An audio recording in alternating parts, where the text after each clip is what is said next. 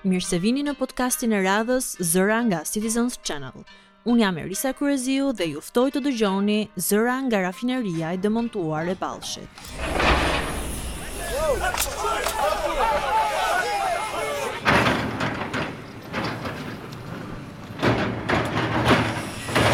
Remzi Harizaj, punëtor prej trembëdhjetë vjetësh në rafinerinë e përpunimit të naftës në Ballsh, ecën pranë murit rrethues të rafinerisë, i shoqëruar nga zhurma e makinerive të rënda.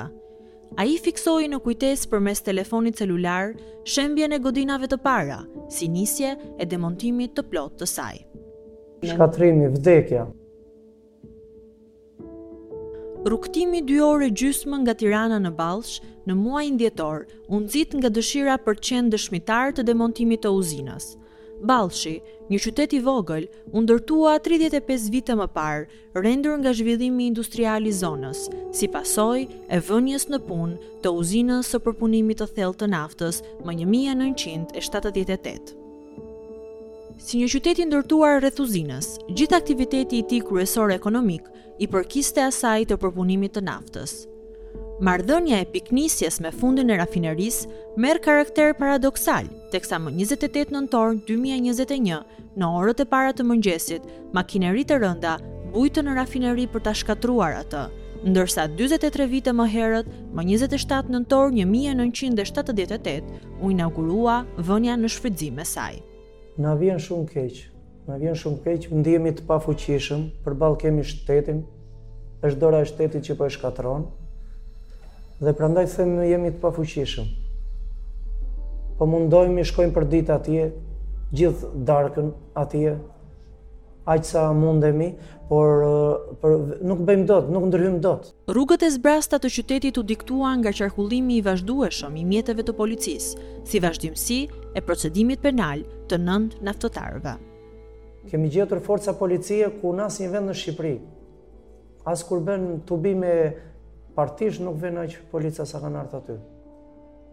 Na kanë terrorizuar darkave, na dalin darkë në darkë këtu. Në mëngjes bëjnë paradë këtu në qytet, 4-5 fugona policie. Kështu që jemi të pafuqishëm.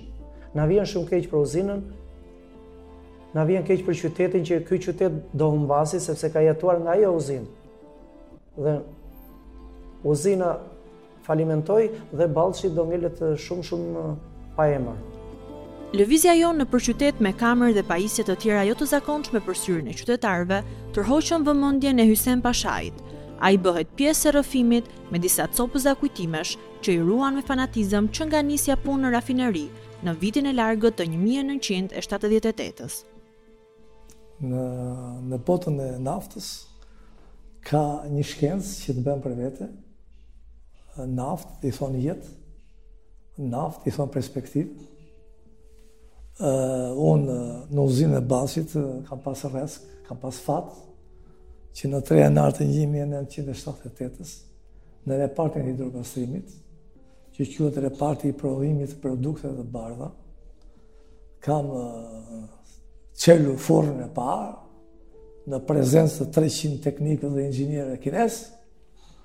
Aty qe një kënaqësi e paparë, si me qenë një dasëm të që brezat të trashëgojnë brezat, Dhe në atë kohë, ne djem të rinjë të asaj kohe, e quanim se kishim kapur qiellin.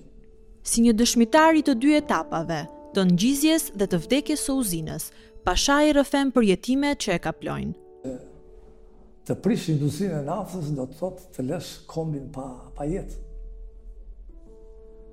Ne, kur kemi parë Fadromën e parë, që ka godit tullët, kemi qarë. Kemi qarë, sepse ajo uzinë na rriti, na veseliti. Ky qytet është krijuar nga uzina, dhe është krijuar fill pas 1971-it, sepse qyteti i Ballshit ishin shpia private, me botë blegtorale, në atë kohë apo bujqësi, Pavarësisht se sistemi qe sistem komunist, por ndërtimi i uzinës i dha prioritet qytetit dhe krijoi mendim teknik, njerëzit i zhvilloi. Po të shofësh situatën teknike të asaj kohe, lëvizjet njerëzore, kishte lezet, hyrjet dhe daljet e uzinës ishin të papara, sistemi ekonomik i qytetit Ballshit në atë kohë krahasim me Shqipërinë, pothuajse është, qe qyteti më më ekonomik Sepse mesatarja e rrogave të aty kanë qenë mbi 6.800 në kohën e Enver Hoxhës. Por njerëzit kanë qenë të përkushtuar për atë punë. Dhe sot, të prishësh atë uzinë do të thotë që të shembësh, të shembësh brezat. 34 vite më parë, rafineria do të kthehej në një shtëpi të dytë edhe për naftëtaren Mereme Ferzaj. Pothuajse kam, kam ndërruar nja katër reparte. Dhe së fundmi kam qenë në prodhimin e bitumit. Pothuajse bëj 34 vite pune. Mhm. Mm punë e vështirë ka qenë. Punë në gaz, në helm. Prodhimin e gazit helm. Ne ne po t'na bësh analizat ne kemi shumë karbon në gjak. Shumë helme në gjak. Pothuaj që ne u mësuam me atë punë dhe u ashtu trupi e mori atë dhe Po e vështirë ka qenë.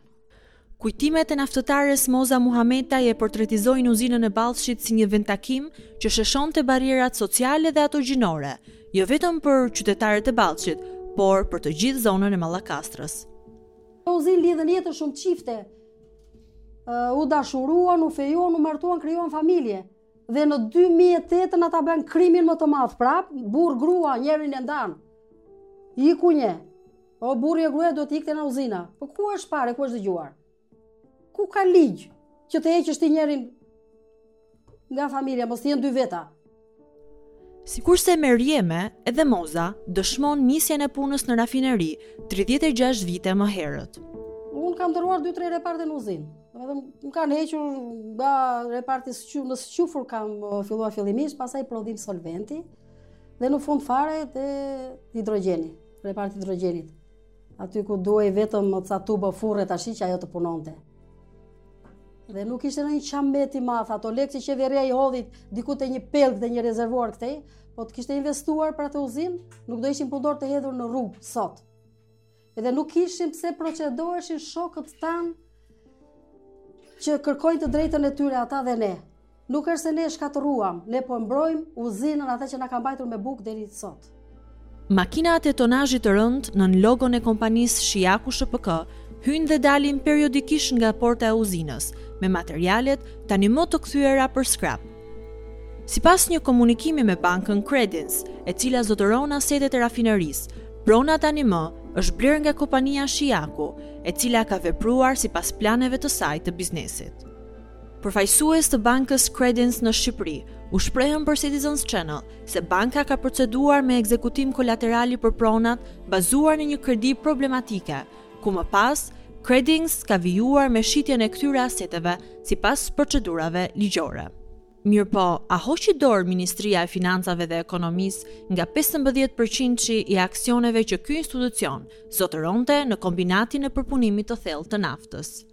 Deri më tani, Ministria nuk i është përgjigjur kërkesës sonë për informacion lidhur me këtë pyetje, dhe po ashtu edhe kërkesës për korrespondencën që ministria ka mbajtur me palët e treta lidhur me shitjen e aseteve te kompania Shiaku SHPK. Shtatori i vitit 2019 shënoi ndërprerjen e punës në uzinë, duke lënë kështu pa punë rreth tetëqind naftëtarë. Zhvendosja e herëpashershme e menaxhimit të rafinerisë në kompani të ndryshme private solli krijimin dhe thellimin e borxheve kundrejt naftëtarëve. Në 2008-ën është për të ardhur keq, privatizimi i keq i asaj uzine që në 2008-ën. E bleu Rezart Taçi, pastaj e mori azeri, Pra ka ato, më falni, pagat e prapambetura të azeri na i ka, po. Azeri, po, Azerbajxhani. I kemi marrë edhe, domethënë jo të rregullta pagat. Punoi uzina, ndali edhe jo për fajin ton. Për lëndë të parë. Lëndën e parë nuk e blija as unë, as ju gazetarët, as shoqja ime këtu. Shtytje nga shteti apo privati vetë, privatin s'e çova as unë, as Privatin shteti dhe qeverria jonë, ajo i çonte. E falë atyre, mbetën pagat e prapambetura që ne siç po themi s'po i marrim dot.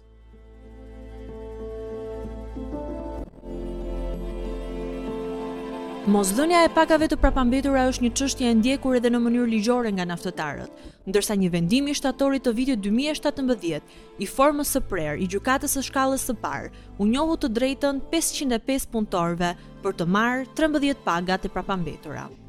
Trembëdhjetë paga i kemi fituar me gjyq të formës së prerë.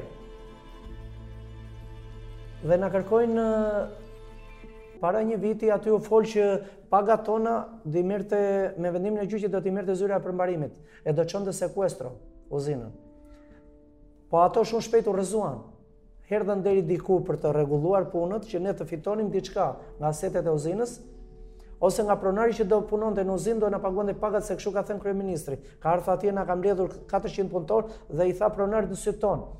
Jepu lekët punëtorëve, tha se aty i ke lekët, tha, nuk do i marrësh në varr, tha. Se asnjë nga ne tha nuk do marrë lek në varr, tha. Prandaj jepu lekët punëtorëve, tha kokërr më kokërr, tha. Por ai e pati tallje atë. Ne e kuptuam më vonë që ai e pati tallje. Sa punëtorë janë pa marrë pagat? Janë 860 punëtorë. Prej janarit të vitit 2020, përpos situatës pandemike, naftëtarët kanë protestuar për marrjen e pagave të prapambetura dhe rikthimin në punë. Protesta këto të nisura në qytetin e Ballshit para portës hyrëse të rafinerisë dhe të shtrira më tej në kryeqytet para Ministrisë së Infrastrukturës dhe Energjisë, si një pasqyrë edhe e gjendjes së rënduar ekonomike. Përderisa xhepi ka pak lek, arritet të themi more lek të harxhon, harxhon, harxhon, mbaruan ato ku do vemi. Mbaruan, ku do vemi. Fëmijët në shkollë, unë kam kredinë e vajzës akoma pa e paguar. Se kam, kam marrë kredi që mbaroi vajza shkollë. Unë po vazhdoj dhe po e shlyej akoma. Ujë, drita na i prisnin. Detyrohesha punoja në punë të zezë, vija laja 200 pjata, 400 pjata në lokal. Që merrja 5 lekë që pagoja drita apo paguaja ujë që ma shlyenin. Protestat të cilat kulmuan me hyrje në grevë urie fillimisht të burrave naftëtarë për shtatëmbëdhjetë ditë, ndjekur më pas nga gratë naftëtare për plot njëzet e gjashtë ditë. Pas grevës shtatëmbëdhjetë ditore të burrave, u futëm ne gratë dhe kemi ndenjur njëzet e gjashtë ditë. Shtytësi i vetëm dhe kryesori ekonomia e rrënuar. Pagat e prapambetura që i kemi fituar me gjyq dhe nuk po arrim t'i marrim as sot e kësaj dite. Nuk e dim ku është ngerçi. Nuk e dim të fitohen me gjyq dhe mos të merren unë nuk e di, nuk e kuptoj dot. Nuk na jep dora se janë të lidhur zinxhir të gjithë. Janë bërë të gjithë bashkë SPAK-u e drejtësia, nuk e di ça të them. Nuk flasim dot. Na dhimbsen edhe shokët kur i shikojmë tash të protestosh për të drejtë për bukën tënde, në asnjë vend të botës mendoj unë. Nuk duhet të procedohet. Dalja nga greva e urisë erdhi me një marrëveshje me qeverinë shqiptare, e cila asistoi për një vit naftëtarët me një shumë prej dyzet mijë lekësh, asistencë e cila përfundoi në tetor të vitit dy mijë e njëzet e një. Në pamundësi për të rikthyer uzinën në punë, kryeministri Rama u shpreh se investitorët e konsiderojnë pa interes për shkak të teknologjisë së vjetër dhe të degradimit ndër vite. duke shtuar kështu edhe dy vite asistencën financiare prej 30.000 lekësh deri në sistemimin e naftëtarëve në punë të tjera. Naftëtarët janë të mbrojtur me statusin e punonjësve të industrisë së naftës dhe të gazit, të miratuar në shkurt të vitit 2017 në Kuvendin e Shqipërisë. Referuar pikës dy të nenit tetë të statusit të naftëtarit, personat që gëzojnë statusin e naftëtarit dhe që dalin të papunë si rezultat i ristrukturimit të ndërmarrjes apo për shkaqe që nuk lidhen me ta, gëzojnë përparësi në punësim dhe përfitojnë nga punëdhënësi një shpërblim financiar në masë dhe kohëzgjatje, sipas përcaktimeve të kontratës kolektive të punës, por ama jo më pak se 80 për qind të pagës minimale në shkallë vendi dhe jo më pak se 3 vjet. Për këtë arsye, mbështetjen e qeverisë shqiptare me asistencë trevjeçare, naftëtarët e shohin vetëm si zbatim të statusit të naftëtarit. Dhe se është me ligj ajo, kur ndalet uzina apo kur shitet, të parët që duhet të shpërblehen janë punëtorët. Të parët fare punëtorët. Kështu që mos të shprehet kryeministri se u kam dhënë unë atyre, nuk e morën fare nga kryeministri. Unë kam ndejtur 26 ditë dhe unë e di si e kam përjetuar. Arrita preva dhe damarët atje. Aq stres kam kaluar. Unë falë shoqeve jam gjallë sot që po flas me ju. Në kushtet kur një veprimtari ekonomike e vetme dhe kryesore e një qyteti shkrihet, pyetja që shtrohet është, ku do të shkojnë naftëtarët? A ka shteti shqiptar një plan strategjik me qëllim rehabilitimin e naftëtarëve në pozicione të tjera pune? Eksperti i ekonomisë Zef Preçi Sqaron për Citizens Channel se si mund të qasen naftëtarët në tregun e punës, ndërkohë që uzina tani më është një e shkuar. Të japësh para nga buxheti, është gjëja më e thjeshtë dhe më e përgjegjshme e çdo qeverie, se do të thotë penalizon të gjithë shoqërinë shqiptare për t'u siguruar një minimum ekzistence atyre një mijë e ca punëtorëve të kësaj zone. Por të ndërtosh një plan që ka të bëjë me menaxhimin e burimeve që disponon ajo zonë, Kur them burime, kam parasysh fushat, kam parasysh kodrat, kam parasysh bujqësinë, blegtorinë, pemëtarinë, të gjitha ato burime që ata i rikthen në jetë normale për të qenë të vetëmjaftueshëm, për të prodhuar mjete jetese në vazhdimësi, sepse 400.000 lekë të vjetra, do të jemi realistë, që ju përmendni, janë Për një familje me me me kat me me me tre veta, domethënë me me një minimum edhe më pak.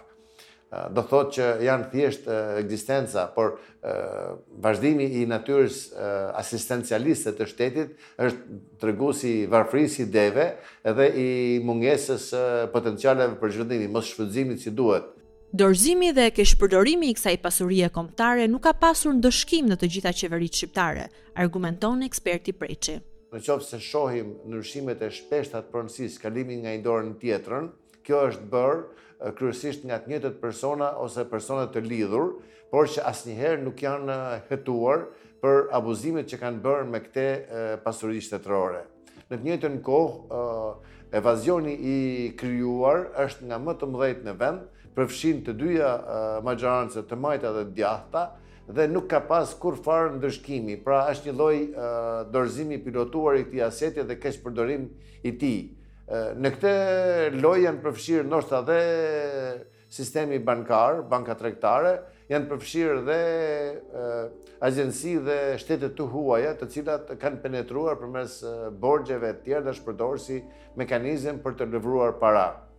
Dhe për ironi të fatit në të gjithë këtë proces, shteti ka qenë dhe ndoshta është dhe sot e kësaj dite sepse mungon transparenca, bashkaksioner, ndonëse në minorancë, në këtë kompani.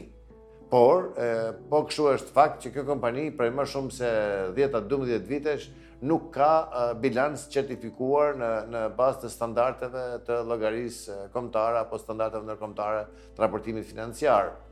Me këtë dua të them që ka një lloj marrëveshje të heshtur, për mendimin tim, për ta keqadministruar, për të ardhur te dita e sotme e cila shkon drejt likuidimit tashmë si mbetje metalike dhe që në thelb i jep fund edhe dilemës se ç'do të ndodhë më tej me punëtorët.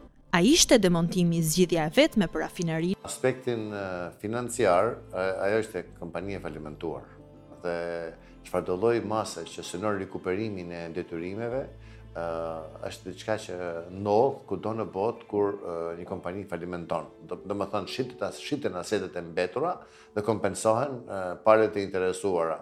Ajo që është e çuditshme është si përjashtohen punëtorët nga këto përfitime dhe si nuk krijohet një lidhje që nga momenti që është trokitur në fillim për ta privatizuar deri më sot, sepse të gjitha palët që janë përfshirë në të kanë dalë të pasura, domethënë janë pasuruar, dhe të vetmet viktima reale janë punëtorët dhe komuniteti i asaj zone. Për naftëtarët, përveç rafinerisë, tanimë nuk ka më asnjë mundësi punësimi, përveçse emigrimit. Në Ballsh janë mundësitë zero. Mos të them ka pak mundësi, nuk ka mundësi, zero mundësi. Kur flasim në një qytet kaq të thellë, pa rrugë, ne jemi qytet pa rrugë. Na ka lënë dhe rruga si jemi si xhep. Këtu s'vjen dikush se do të shofi diçka, çfarë mund të shofi këtu? Çfarë mund të hapësh këtu? Çfarë biznesi mund të hapësh këtu? Ne dëgjojmë që ka kriza në qytete të mëdha, krizë ekonomike. Jo më në Ballsh që mundësitë tona për në këtë moshë, kush të merr në punë 55 vjeç? Le të kesh profesion ti. Ai dhe në Gjermani të pyet që sa vjeç je para se të pyesi për profesionin, për diploma, për... Ça mund të bësh ti? Kurse këtu janë mundësitë zero për moshën tonë. Sepse në aty i kishim mundësitë, s'kemi emigruar. Se dikush që ka emigruar është më mirë nga ne, doli më mirë tani që u mbyll uzina. Këtu nuk e di nuk kam dëgjuar ndonjë që thotë se iku uzina do filloj diku tjetër. Është zero mundësi në Ballsh. Nuk ka mundësi tjetër. Pra uzina ishte ajo që mbante qytetin gjallë. Nga qytetet më të dobta do kthehet Ballshi. Jo, jo, jo, këtu njerëz një zonë e vdekur fare. Hoqi rrugën Këtu fillimisht hoqi dhe uzinën e mbylli zonën e Mallakastrës, gjithë Mallakastra, jo vetëm Ballshi, zonë e vdekur. Hoqi bukën e gojës, bukën e kalamajve. Ça të thuash, ça të flasësh më, ku të vej? Na ndiqni në Zëra nga Citizens Channel për të dëgjuar atë që ka rëndësi.